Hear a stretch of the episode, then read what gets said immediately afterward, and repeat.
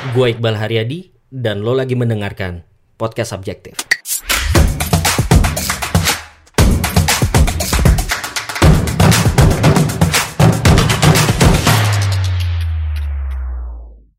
Episode ini merupakan bagian dari rekaman webinar Personal Branding for Early Career Professionals di Sabtu 17 April 2021. Dari total durasi 2 jam, gue akan bagi jadi 4 episode terpisah sehingga lebih mudah buat lo dengerin. 1. Perubahan tren dunia kerja dan kenapa personal branding penting yang dibawakan oleh gue. Kedua, membangun image profesional lewat LinkedIn yang dibawakan Fadel Muhammad, Product Manager Flip.id. Ketiga, membangun personal brand di Instagram dan TikTok yang dibawakan Alia Nur, founder Career Class dan praktisi HR. Dan keempat, Q&A session tentang personal branding bersama para peserta. Pastikan lo dengarkan semua episodenya di podcast Subjektif. Ya, selamat pagi teman-teman semua. Assalamualaikum warahmatullahi wabarakatuh. Senang banget rasanya hari ini bisa ketemu sama teman-teman semua di sini.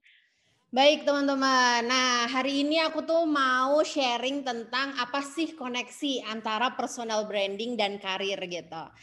Uh, sebelumnya aku perkenalkan diri dulu, mungkin beberapa belum kenal. Aku uh, adalah seorang life learner, aku suka banget belajar. Uh, saat ini aku lagi keliling Indonesia. Jadi kalau ada teman-teman yang ada di Sulawesi, mungkin kita bisa ketemu. Sekarang lagi ada di Palopo. Jadi uh, memang tiap hari kita pindah dari satu daerah ke daerah lain Sebelumnya aku HR profesional di beberapa company, uh, pernah di perbankan, aku juga pernah yang sifatnya education, FMCG pernah. Terakhir aku di company uh, dari US, uh, fokusnya memang ke HR consulting gitu. Kalau sekarang lebih banyak freelancer, alhamdulillah uh, apa aku bisa bilang kalau secara klien tetap gitu ya, klien-klien lama akhirnya uh, hire aku sebagai freelance consultant mereka. Uh, terus yang mungkin tahu Dream Dalian yang tadi disebut sama Fadel, uh, aku founder dari Dream Dalian dan juga Career Class. Uh, kalau tadi titik balik itu fokus ke pengembangan uh, SDM juga. Nah ini kalau di Career Class sama, tapi kita fokus banget ke arah lebih ke pengembangan karir sih gitu. Jadi not all the aspect tapi kita uh, very fokus ke pengembangan karir. Nah, kita lanjut. Jadi ini sebelum kita mulai, silahkan connect sama aku. Aku ada di LinkedIn, ada di TikTok, dan ada di Instagram. Sebenarnya ada di podcast juga, tapi itu hanya bertahan satu bulan. Jadi habis itu aku bye. nah memang benar banget nih teman-teman. Ketika kita membangun yang namanya sosial media apa pun gitu ya, konsistensi itu sesuatu yang mutlak. Jadi aku mau cerita nih tentang tiga sosial media aku. Yang pertama LinkedIn. LinkedIn ini kalau kalian lihat followersnya itu 10.288 dan ini masih banyak banget yang aku nggak accept. Kenapa? Karena aku udah se kayak dua tahun terakhir ini aku udah nggak fokus untuk bikin konten di LinkedIn. Aku lebih fokus untuk ngajarin orang gimana caranya pakai LinkedIn gitu. Untuk apa? Untuk cari kerja. Jadi uh, fokusnya adalah ke sana lewat si karir kelas gitu. Nah akhirnya setelah LinkedIn aku tinggalkan dan aku tuh model orang kalau udah meninggalkan sesuatu beneran aku tinggalkan gitu. Terus aku move ke Instagram aku bangun tuh tiap hari aku bangun kontennya gitu kan. Sampai akhirnya uh, dapat followers. Tapi memang di Instagram ini modelnya apa ya? Kayak maju mundur maju mundur lah kayak gitu. Jadi nggak nggak sekonsisten itu sebenarnya untuk ngebangun uh, konten. Karena jujur uh, orang yang hidup di Instagram itu unik gitu menurut aku uh, lebih pemilih gitu ya, niche banget marketnya. Dan aku di sini topik-topik yang aku ambil itu masih kayak terlalu luas gitu. Kayak ada tentang romantisme pasangan suami istri, lalu tentang karir, terus tentang pengalaman pada umumnya gitu. Jadi ini masih skater banget. Nah, akhirnya aku menemukan yang namanya TikTok gitu. TikTok ini aku baru banget teman-teman. Aku baru main TikTok itu akhir tahun 2020 2020. Kenapa aku main TikTok gitu ya? Jadi dulu itu ketika aku pertama kali masuk TikTok, aku langsung dihajar masa katanya gini. Wah Mbak Alia udah mulai alay ini gitu ya, udah mulai main TikTok berarti udah mulai alay. Uh, dan orang kalau di TikTok itu kan pasti joget-joget gitu ya, kayak maksudnya banyak banget yang joget-joget. Tapi aku ngerti bahwa aku nggak akan melakukan itu, aku nggak bisa melakukan itu. Jadi dulu itu pertama kali aku pakai TikTok itu aku pakai untuk bikin videonya Instagram guys gitu. Bukan untuk mainan TikTok sebenarnya. Jadi aku bikin videonya itu daripada pakai aplikasi lain ya udah aku pakai TikTok aja karena di situ kan gampang banget. Kita bisa kayak ngasih tulisan, gambar, eh, video plus foto semuanya tuh bisa gitu dan banyak lagu-lagunya. Jadi pertama itu karena itu. Cuma karena memang waktu itu aku sering banget ngepost uh, kontennya TikTok di Instagram, followers aku tuh turun kayak ada kali 500-an gitu. Karena apa? Karena mereka melihat aku tuh alay, udah nggak sesuai sama line aku di Instagram yang uh, Instagram aku tuh kayak dibangun seelegan mungkin, setegas mungkin gitu ya. Mendadak masuklah konten-konten TikTok. Itu jadi nggak nggak match lah gitu sama target aku di Instagram. Nah, uh, jadi ini pertama kali nih first time aku itu di Oktober ya eh di Oktober betul di Oktober 2020 sampai hari ini pun tuh yang ngelihat baru 9.600an view-nya dan first viral konten aku itu terkait dengan keuangan. Karena aku kan juga uh, basicnya lebih banyak ke finance juga, perbankan gitu kan. Nah jadi ini pertama kali viral dan ternyata viral pertamaku itu banyak hujatan. Dan di sini aku jujur aku nggak kuat mental sampai akhirnya aku offin itu TikTok gitu. Kenapa aku nggak kuat mental? Di sini aku berhadapan sama teman-teman perbankan yang mereka bilang uh, apa ya istilahnya? Aku padahal nggak ngomongin riba loh, aku nggak ngomongin riba sama sekali. Tapi di sini aku tuh di attack dengan nggak mungkin dong orang itu punya rumah kalau nggak minjem di bank kayak gitu. Jadi aku nunjukin ke mereka kalkulator finance gitu ya untuk uh, apa sebenarnya ketika kamu utang gitu, ketika kamu utang eh, uh, 10 juta, nanti akhirnya itu jadi berapa sih gitu kalau pinjemnya itu di bank. Jadi konteksnya itu itu dan ternyata itu menjadi serangan fajar gitu, itu sangat sangat uh, shock banget buat aku dan akhirnya aku memutuskan untuk ya udah deh gue close aja lah gitu akun TikTok. Jadi semua chat itu aku close. Sampai akhirnya suami aku bilang gini, kan nggak semuanya itu haters kan sebenarnya. Banyak juga orang yang bilang terima kasih ya udah diingetin untuk terkait KPR gitu.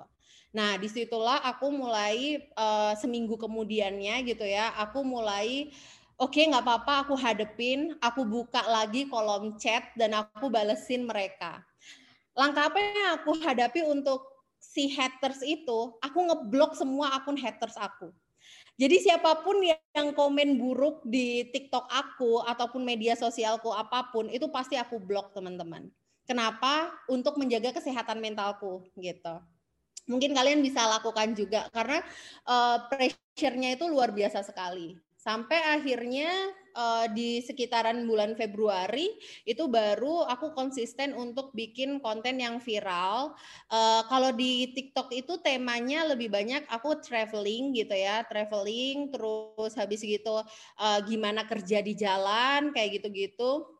Yang paling penting ketika creating konten untuk TikTok itu teman-teman punya satu spesialisasi karena aku mencoba untuk membuat uh, video TikTok dengan tema lainnya gitu di luar traveling dan juga di luar kerja dari uh, bukan bukan di rumah gitu ya itu nggak nggak bagus. Makanya aku biasanya aku kalau udah udah lama terus dia nggak bagus-bagus uh, viewersnya nggak oke okay, gitu itu aku langsung take down videonya gitu. Karena memang ternyata itu bukan market aku. Jadi coba aja dulu. Ketika bikin TikTok itu coba aja berbagai tema. Kalian nggak usah mikirin kayak ini bakal berapa like. Jangan pernah mikirin itu dulu. Karena pertama kali aku bikin TikTok itu yang nonton cuma tiga. Kalian bayangin dong viewers di sini itu cuma tiga gitu kan itu itu juga kan uh, tekanan batin banget ya ngelihat viewers tiga. Biasanya gue di di Instagram itu yang ngelihat IG story itu bisa belasan ribu. Tapi kenapa kok kalau di sini tuh cuma tiga gitu kan? Nah kalau sekarang kebalik kalau ke IG story jadinya nggak mood gitu karena dikit banget yang ngelihat kalau dibandingin sama TikTok kayak gitu. Nah akhirnya setelah aku trial error semua topik aku memutuskan untuk uh, aku nggak akan heavy di topik-topik finance karena di situ akan sangat banyak perdebatan dan aku bukan orang yang suka berdebat di media sosial. Terus juga aku lebih suka yang happy go lucky aja kalau di media sosial nggak usah terlalu serius-serius gitu dan memang kalau sekarang uh, tawaran endorsement itu besar banget sih teman-teman karena kan secara followers kan udah 100 ribuan Cuma aku nggak terima endorsement sampai hari ini. Kenapa? Karena aku nggak suka aja ditekan gitu. Aku nggak suka aja tertekan dengan harus sekian yang nge-view kayak gitu. Nah, ini kita masuk ke branding itu kan sebenarnya kalau selama ini eh, perusahaan biasa melakukan untuk kayak membrand produk atau perusahaan. Nah, sebelumnya itu aku pernah di salah satu bank. Di situ uh, aku yang aku branding adalah company-nya. Namanya adalah Employer Branding Program. Jadi kita datang ke kampus-kampus untuk getting talents gitu ya. Nah, itu kita bikin acara di sana, kita bikin event-event biar menarik para anak-anak muda untuk masuk ke company. Akhirnya setelah proses belajar gitu, aku melihat oh ini yang bisa di branding itu bukan cuma produk dan company gitu, tapi kita juga bisa membranding diri kita dan impact-nya itu luar biasa. Dulu aku pertama kali uh, jadi speaker gitu ya, itu mulai dari nggak dibayar sampai dengan bayarannya paling ya paling mentok tuh 500 ribu lah, itu per jam. Sampai akhirnya karena sosial media khususnya waktu itu adalah Instagram yang luar biasa, itu uh, alhamdulillah bisa sampai kayak 15 25 juta per jam gitu untuk sekali isi acara. Jadi kalian bisa bayangin di efek dari sosial media itu sebesar itu. Even aku udah udah bisa beli uh, tanah gitu dari sosial media. Jadi aku aku tuh kumpulin uang gini. Oh, ini dari sosial media, ini uh, uang dari pekerjaan, ini uang dari bisnis itu aku bedain. Dan aku kasih nama tanah aku kayak oh ini tanah dari Instagram gitu misalnya. Karena memang aku dapetin pekerjaan itu dan dapat uang itu karena Instagram gitu.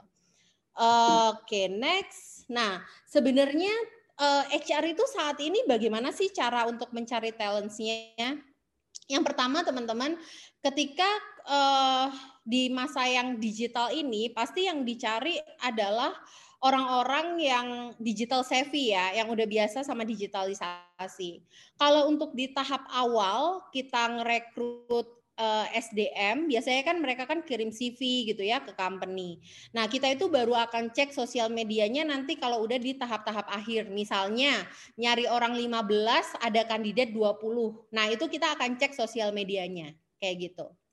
Terus uh, untuk rekruter sekarang apakah mereka lebih suka dikirimin CV atau mencari sendiri? Jawabannya adalah lebih suka untuk mencari sendiri. Lewat mana?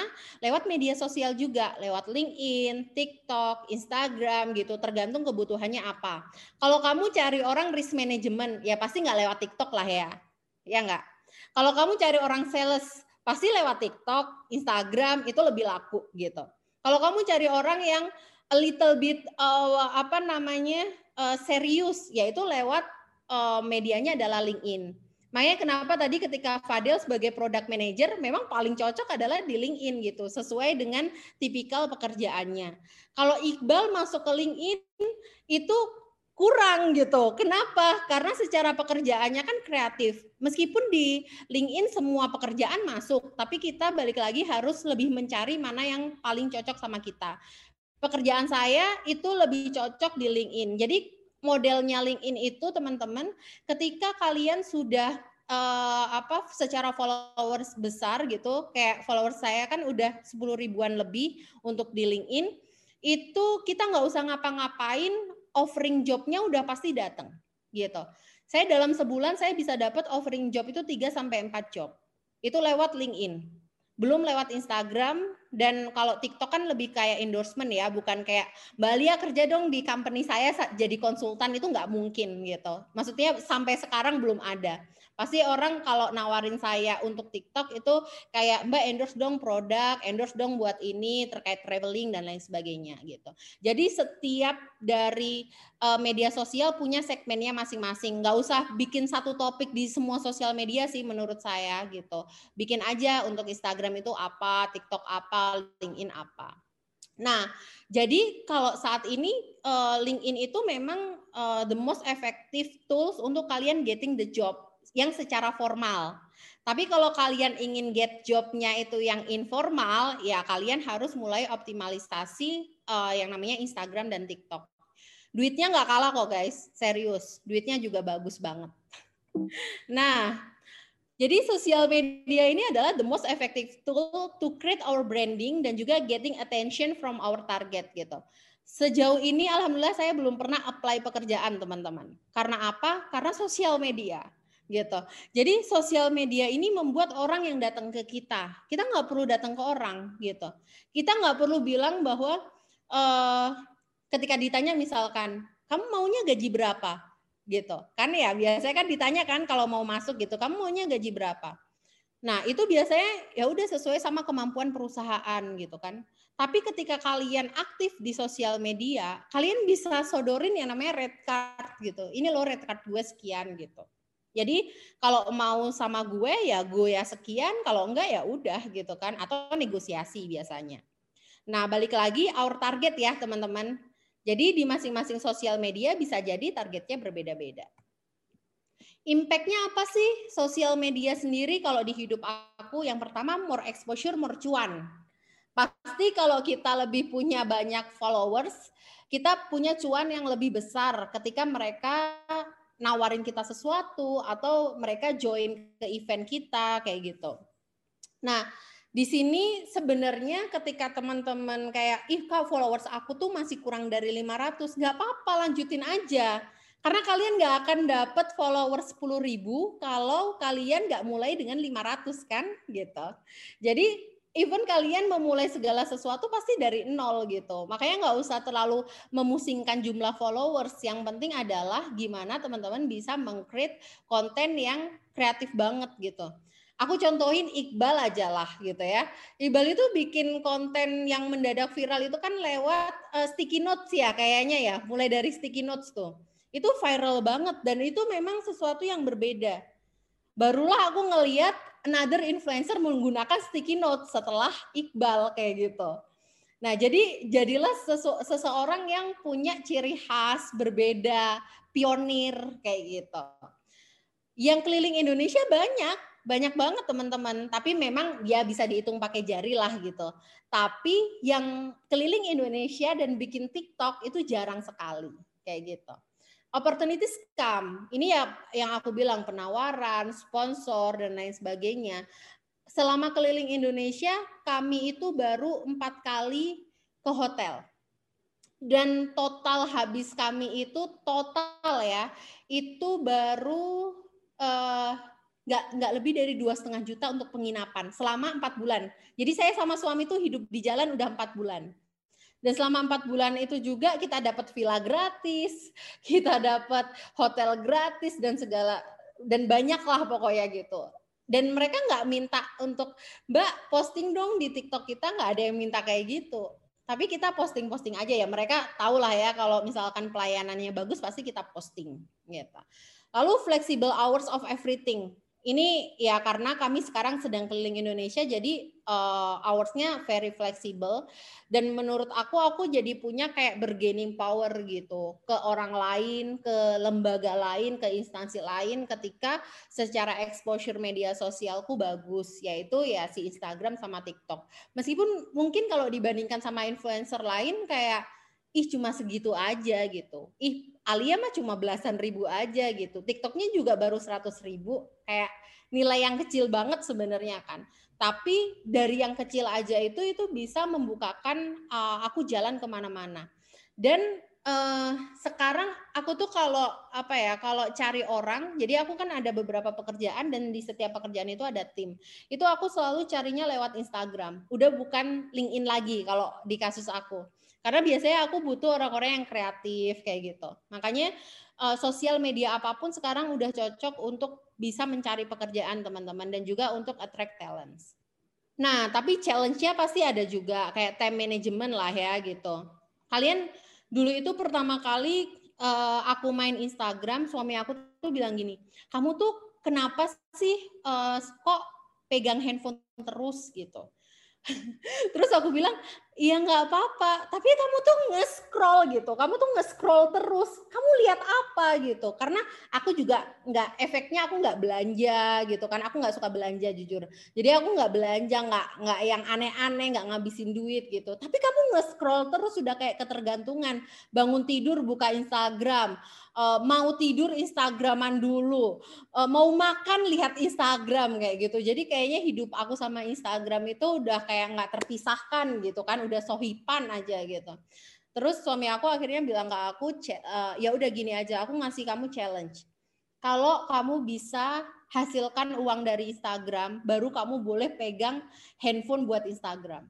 Jadi aku tuh mulai nge-create konten di 2018 itu karena uh, challenge dari suami.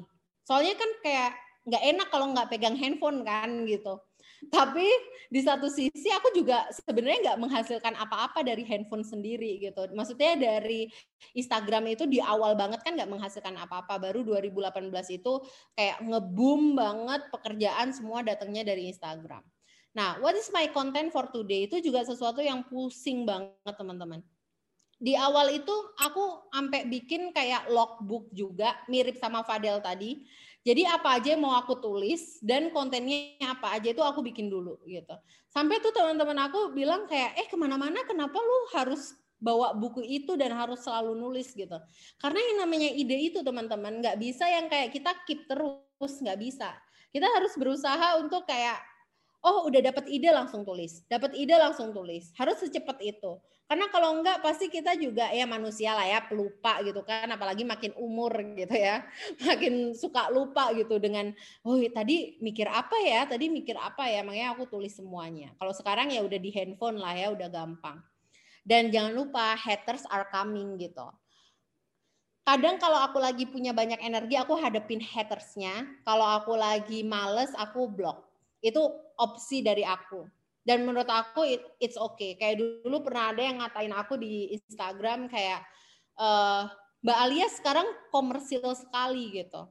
Maksud dia tuh komersil kayak aku udah nggak bisa ngeposting kayak dia kan sering nitip poster atau apa. Nah akhirnya akhirnya aku tuh nggak mau gitu. Tapi aku juga nggak minta uang guys gitu aku cuma nggak mau aja karena kayak udah banyak yang aku posting ya bayangin aja. Kan gue bukan Aukarin yang sampai titik-titik orang tetap lihat dong gitu. Gue harus tetap ngejaga itu nggak sampai titik-titik gitu. Nah makanya aku mulai batasin kan gitu. Tapi aku yang aku juga seneng adalah meskipun hatersnya datang lebih banyak followers yang baik yang mereka suportif yang ngasih aku info kayak kan tadi ya aku ngajar LinkedIn gitu kan. Yang ngasih aku info e, kak aku udah keterima di sini kak aku ke sini kak gajiku naik dan lain sebagainya. Ya karena mungkin kan juga mereka intens ikut kelas gitu kan. Jadi uh, mereka tahu pertama aku ya dari Instagram kayak gitu. Makanya mereka uh, setelah misalkan dapat sesuatu ya mereka ngabarin laginya itu lewat Instagram meskipun tahu WhatsApp aku kayak gitu. Nah, jadi gimana sebenarnya aku mengcreate konten-konten itu? Yang pertama jangan lupa teman-teman let's start with small. Kenapa sih kok kita itu bikin konten dan main TikTok atau Instagram? Dan coba kalian cek screening time kalian itu berapa lama ketika kayak kalian udah lebih dari sejam dan kalian gak menghasilkan apa pun di Instagram atau TikTok itu gitu, ya berarti kalian buang-buang waktu. Which is kalau kalian buang-buang waktu buat apa? One day guys, kita kita itu kan semakin hari makin berumur, makin tua. Terus kita nggak dapat apa-apa dari apa yang kita lakukan kan percuma ya. Makanya pastikan semenit kalian di Instagram dan TikTok itu sesuatu yang worth it gitu. Dan aku sama suami itu bahkan sekarang kita menghitung per jamnya itu kita dapat berapa sih gitu. Itu di luar kayak kita nolongin temen, kita misalkan bikin kegiatan sosial atau apa, itu semua kita coba untuk lihatin. Oh, kegiatan sosial kita sekian dari main Instagram, kegiatan kita komersil sekian, kegiatan kita ini sekian. Jadi semuanya itu terukur. Yang kedua, nah ini ini dari yang pertama tadi ya. Coba deh kalian uh, share gitu strong way kalian itu sebenarnya apa sih untuk kayak main TikTok atau Instagram atau mungkin LinkedIn boleh. Kalian bisa nanti DM Instagram aku @alia.aryo di DM aja nggak usah di IG story. Jadi di DM aja @aliaaryo gitu ya. Kenapa sih strong way kalian main sosial media? Nanti untuk satu orang yang menurut aku terbaik gitu uh, alasannya apa gitu dan clear ke depannya mau ngapain, nanti aku bonusin untuk one on one session sama aku tentang career development. Nah, yang kedua adalah konten itu need to be fresh dan juga menjawab pertanyaan-pertanyaan dari followers. Jangan sampai kita itu kayak rocos terus tapi sebenarnya itu nggak jelas kita menyampaikan apa. Terus kita udah tahu misalnya ya kayak kasus aku, kita udah tahu orang-orang kita itu sukanya traveling. Terus kita masukin konten yang jauh banget dari traveling, kayak misalkan konten drama pertengkaran. Itu udah jelas nggak akan cocok gitu. Jadi pastikan konten kalian itu sesuai dengan uh, audiens kalian seperti apa. Balik lagi ya, Instagram dan TikTok bisa jadi berbeda. Kalian punya LinkedIn pasti berbeda. Jangan sampai di LinkedIn kalian uh, foto selfie kalian posting. Wah, itu pasti udah jijai banget sih gitu. Dan itu pasti bikin orang unfollow kalian gitu. Dan yang terakhir adalah waiting the response from our followers. Respon itu penting teman-teman. Jadi like itu penting nggak? Ya penting sebenarnya, tapi jangan sampai karena nggak ada yang nge-like itu membuat kalian berhenti bermain sosial media. Kalau nggak ada yang nge-like, artinya apa yang harus diperbaiki itu kan yang paling penting. Harus perbaikin aspek apa nih dari kontennya gitu. Bukan terus stop kayak gitu. Kalau udah diperbaikin tetap aja nggak bisa naik-naik, perbaikin lagi dan terus seperti itu. Nah, nanti kalian coba ukur. Misalkan kalian bikin. Kalau kayak saya sama suami sekarang bikin. Oke nih uh, apa konten kita, calon konten viral kita sekian nih jumlahnya. Calon konten kita yang B aja sekian. Jadi kita even ngerti bahwa konten ini akan viral, konten ini B aja gitu. Mungkin ya paling-paling cuma 30 ribu viewers misalnya gitu. Nah itu kita udah klasifikasiin karena jangan sampai konten viral ketemu konten viral. Karena nanti matiin salah satunya. Biasanya aku konten viral B B B B konten viral B B B kayak gitu. Jadi aku selalu mastiin sama Aryo uh, yang penting ada satu konten viral yang bisa nge-endorse untuk viewers uh, lihat yang lainnya kayak gitu. Jadi uh, ini sesuatu yang penting ya teman-teman untuk kalian uh, lihat responnya. Dan kalau di baik di TikTok maupun di Instagram hal-hal yang sifatnya pertanyaan dan mengajak itu hal-hal yang jadi preferensi pasti gitu. Jadi jangan cuma kayak fokus untuk sharing tapi juga tanyain gitu ke mereka. Kamu sukanya apa? Misalnya seperti itu. Terus menurut kamu ini bagaimana? Karena orang itu paling suka ngomong daripada mendengarkan. gitu. Oke, gitu aja dari aku. Semoga bermanfaat dan uh, balik lagi teman-teman, uh, ketika kalian sekarang merasa, duh kok challenging banget dapat pekerjaan, kok HR nggak get attention dari uh, ke gue gitu kan misalnya. Nah itu pastikan kalian aktif uh, di sosial media, khususnya yang sifatnya profesional kayak LinkedIn, Instagram itu udah udah profesional menurut aku gitu. Beda sama TikTok yang masih kayak full of games menurut aku, kayak masih happy happynya itu masih banyak banget kalau di TikTok kan gitu. Jadi uh, manfaatkanlah dua sosial media itu untuk istilahnya cari uang formal, yang satu manfaatkanlah untuk cari uang yang informal gitu, uang yang istilahnya kalian uh, apa kalau kalian rezeki dan kalian memang nanti secara followers banyak itu uh, in term of nominal keren banget. Itu in term of nominal itu bagus banget serius sekali posting aja itu bisa sekian belas juta. Jadi menurut aku uh, worth it untuk main di sosial media buat bangun rumah, beli mobil dan lain-lain. Thank you. Thank you Alia. Wah gila, tadi penutupnya menegaskan bahwa sebenarnya kalau lo main sosmed dengan serius ya di sini peluang lo mendapatkan penghasilan banyak banget dan mungkin tadi gue highlight beberapa hal ya. Yang pertama ketika kita ngomongin peluang uh, yang kita dapat dari sosial media itu bukan hanya misalnya lo dapat kerja di sebuah company, tapi dulu dapat project, lo dapat uh, apa uh, peluang-peluang penghasilan lain kayak tadi endorsement atau bahkan kayak dapat jajaring teman baru, dikasih penginapan gratis dan lain-lain yang tadi Alia udah ceritain. Terus yang uh, kedua tadi kalau mau coba fokus di satu tema gitu ya, fokus di satu tema itu biasanya lebih cepat growth-nya. Tapi ketika teman-teman bingung, ya coba dulu aja yang banyak gitu. Karena kan namanya juga baru mulai kita belum tahu baru sensing juga ya coba aja dulu yang banyak. Jadi nanti baru ketahuan kira-kira yang mana nih yang paling cocok buat kita sama growth-nya juga kenceng gitu ya. Sama uh, terakhir sebelum kita masuk ke tanya jawab tadi Alia juga mention soal viral ya. Fadel juga sempat mention soal viral. Nah ya soal viral ini sebenarnya teman-teman juga harus aware ya bahwa viral kalau sebuah postingan viral di platform mana pun itu singkatnya sebenarnya postingan kita atau tulisan kita atau pendapat kita itu akan dilihat sama orang-orang yang nggak kenal kita. Dan orang-orang yang nggak kenal kita ini biasanya orang-orang yang kemudian mereka komentar atau uh, responnya tuh di luar nalar lah gitu ya tiba-tiba komentar apa itu aneh-aneh banget dan kayak ya tadi mungkin Alia juga udah sempat mention gue juga punya pengalaman selalu nggak enak sebenarnya postingan viral itu selalu ketemu sama orang-orang yang nggak kenal sama kita gitu jadi bukan yang ngobrol malah wah terlalu banyak hal-hal yang inilah ya jadi uh, it's good to aim for virality tapi teman-teman juga harus aware apa apa yang teman-teman pengen ngomongin dan dari sana kemudian dibikin lebih efektif. Nah, sekarang kita masuk ke eh, Q&A ya. Kita mungkin punya waktu sekitar 30 menit ya.